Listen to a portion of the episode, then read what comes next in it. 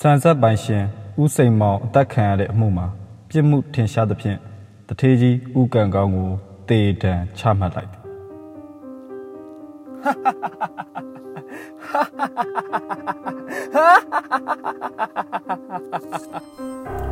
ဟဲ့ယူတယ်လားမသိဘူး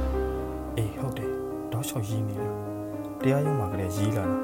အခုထောင်ထဲရောက်တော့တဲ့အထိရီးနေတော့မယ်အေးသူနဲ့စိတ်ဖောက်သွားနေတယ်ကွာ အေးတေတံချခံရတာဆိုတော့လေဘယ်သူမဆိုယူချင်စရာမလို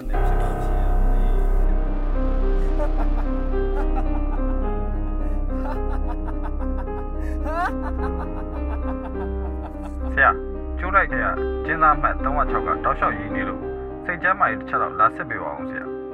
ဟောအေးဟုတ်ပြီအခုလာခဲ့မယ်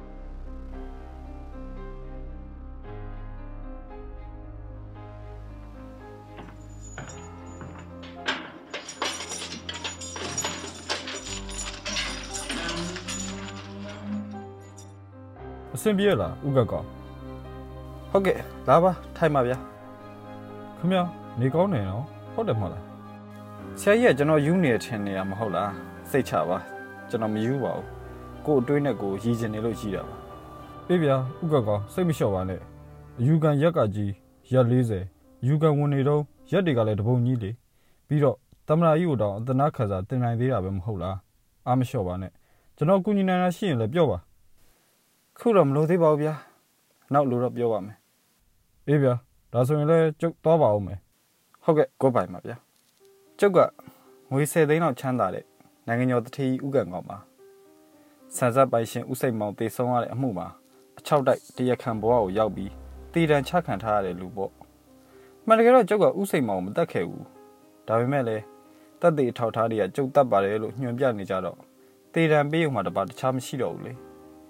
တရားရင်ဆိုင်နေတော့ကလည်းပတ်သက်ရလူကြီးမှန်သမျှတရားသူကြီးပါမကြံငွေပေးပြီးတော့တက်တာရရအောင်လိုက်ခဲ့ပေမဲ့လည်းကျုပ်မှုကသတင်းစာတွေထဲလဲဖော်ပြကြပြီးလူအများကစောင့်ကြည့်လေ့လာနေတဲ့အမှုဖြစ်တာကြောင့်တက်သေးထောက်ထားတွေရကျုပ်ကိုတေးတမ်းမပေးလို့မဖြစ်တော့ဘူးလေတေးတမ်းပေးခံနေရတာကိုဘာလို့ရည်နေရလဲဆိုတော့ကျုပ်ကတကယ်တက်ခဲ့တာဥစိန်မှမဟုတ်ဘဲနဲ့တခြားလူ9ယောက်ကိုတက်ခဲ့တာလေလူ9ယောက်ကိုခေါင်းအေးနဲ့တေချာစီစဉ်ပြီးတက်ခဲ့တာ ကျုပ်ကဘယ်သူမှတန်တရားမဖြစ်ခဲ့ကြဘူးကျုပ်တက်ခဲ့တဲ့လူ9ယောက်အတွက်ပြစ်ဒဏ်မပေးခံရဘဲနဲ့မတက်ခဲ့တဲ့လူတစ်ယောက်အတွက်တေဒဏ်ပေးခံရတယ်ဆိုတော့ရည်စရာမကောင်းလားဗျာအခုလိုတေဒဏ်ချခံထားရပြီးကျိုးတိုက်ထဲမှာနေနေရပေမဲ့ငွေကြေးရဲ့အစွမ်းနဲ့အေးအေးတက်တာနေရပါတယ် secret တွေအရက်တွေစားတောက်ဖွယ်တွေပြင်စာရေးဖို့ဖောင်လိန်စာအုပ်စပွဲအဆုံးရှိတယ်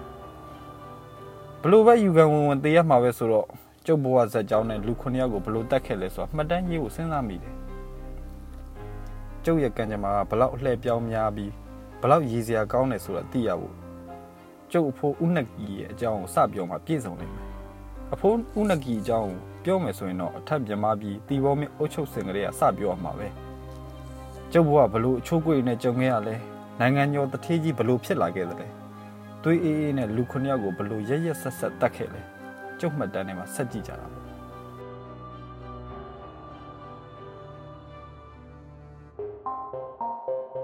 စာရေးဆရာကြီးတင့်တယ်ရဲ့ကာမဖလဝတ္ထုကိုကျွန်တော်ဇီနိုက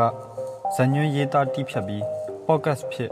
နားဆင်နိုင်မှုအတွက်တင်ဆက်ပေးလိုက်ပါတယ်။ကာမဖလဝတ္ထုဟာအကြိမ်ကြိမ်ရိုက်နှိပ်ထုတ်ဝေထားရတဲ့နာမည်ကျော်ဝတ္ထုတစ်ပုဒ်ဖြစ်ပါတယ်။